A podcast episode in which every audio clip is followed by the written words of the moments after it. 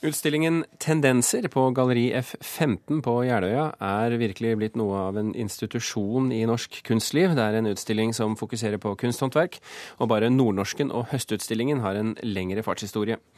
I helgen åpnet eh, Tendenser nummer 39, og Mona Pale Bjerke, kunstkritiker her i Kulturnytt. La oss først av alt avklare hva er kunsthåndverk for tiden?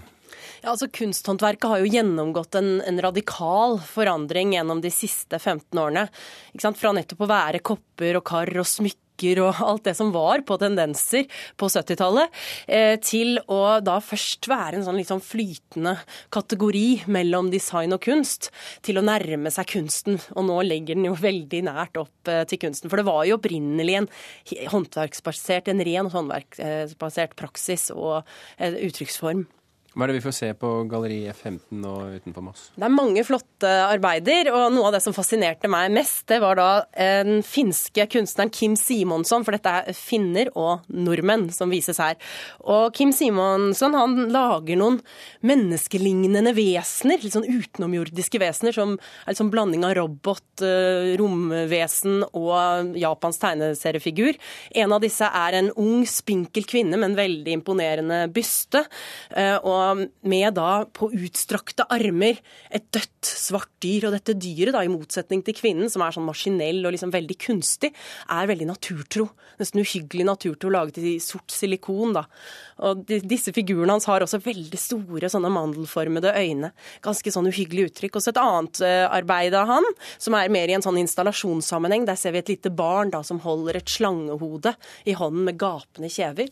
Og bak dette barnet så ser vi kroppen til dyret, og det er ikke en slange, men da en svane. Så han jobber med disse fabeldyrene, og dyret blir liksom, hva skal jeg si, det som bryter frem gjennom kulturens konvensjoner, og på en måte er litt sånn angsten i mennesket og naturen, og fortrengningene. Et stykke unna, unna keramikkvasen, med andre ord? Ja, helt, helt klart. Så det er jo det vi vil se, at det er, vi finner ikke det kunsthåndverket eh, vi kanskje noen vil forvente, men vi har jo også vent oss til at kunsthåndverk ikke lenger er eh, tekopper. Hva annet ser vi der?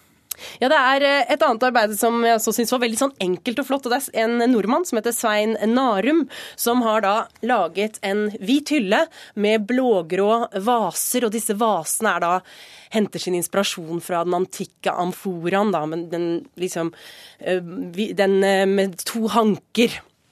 Og dette er jo de vasene vi forbinder med det greske vasemaleriet, som var rikt dekorert. Disse er ikke dekorert, de er helt ensfarget, og de er også stilt opp sånn serielt, eh, nesten sånn minimalistisk, da, med 60-tall-referanse både til popkunsten, som var så glad i serier, det å sette ting etter hverandre, og til da den enkle, rene estetikken som vi finner i minimalismen.